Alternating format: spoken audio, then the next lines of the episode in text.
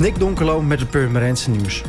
Op dinsdagmiddag 19 mei maakte het RIVM bekend dat er een nieuw geregistreerde besmetting met het coronavirus in Purmerend bijkwam. Hiermee is de teller gestegen naar 212 geregistreerde besmettingen. Eveneens kwam er een nieuwe ziekenhuisopname bij en daarmee staat de teller op 65. Op vrijdag 15 mei tussen 9 uur en half 10 s avonds heeft er een bedreiging plaatsgevonden op het fietspad langs het water tussen de Herrie Dunantstraat en de Henny Schafstraat. Dat zijn de achterzijden van de flats van de Anne Franklaan.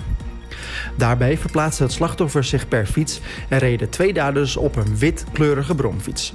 Heeft u iets gezien of kunt u meer informatie verschaffen? Help de politie dan en neem contact op met de politie in Purmerend op het telefoonnummer 0900 8844.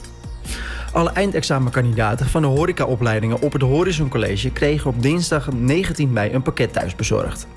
Aan de hand van de ingrediënten in het pakket kunnen zij thuis oefenen om het eindexamenmenu zo goed mogelijk voor te bereiden.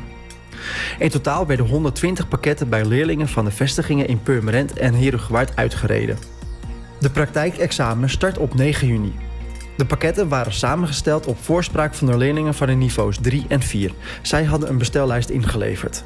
Voor meer nieuws, kijk of luister je natuurlijk naar RTV Purmerend, ga je naar onze socials of ga naar rtvpurmerend.nl.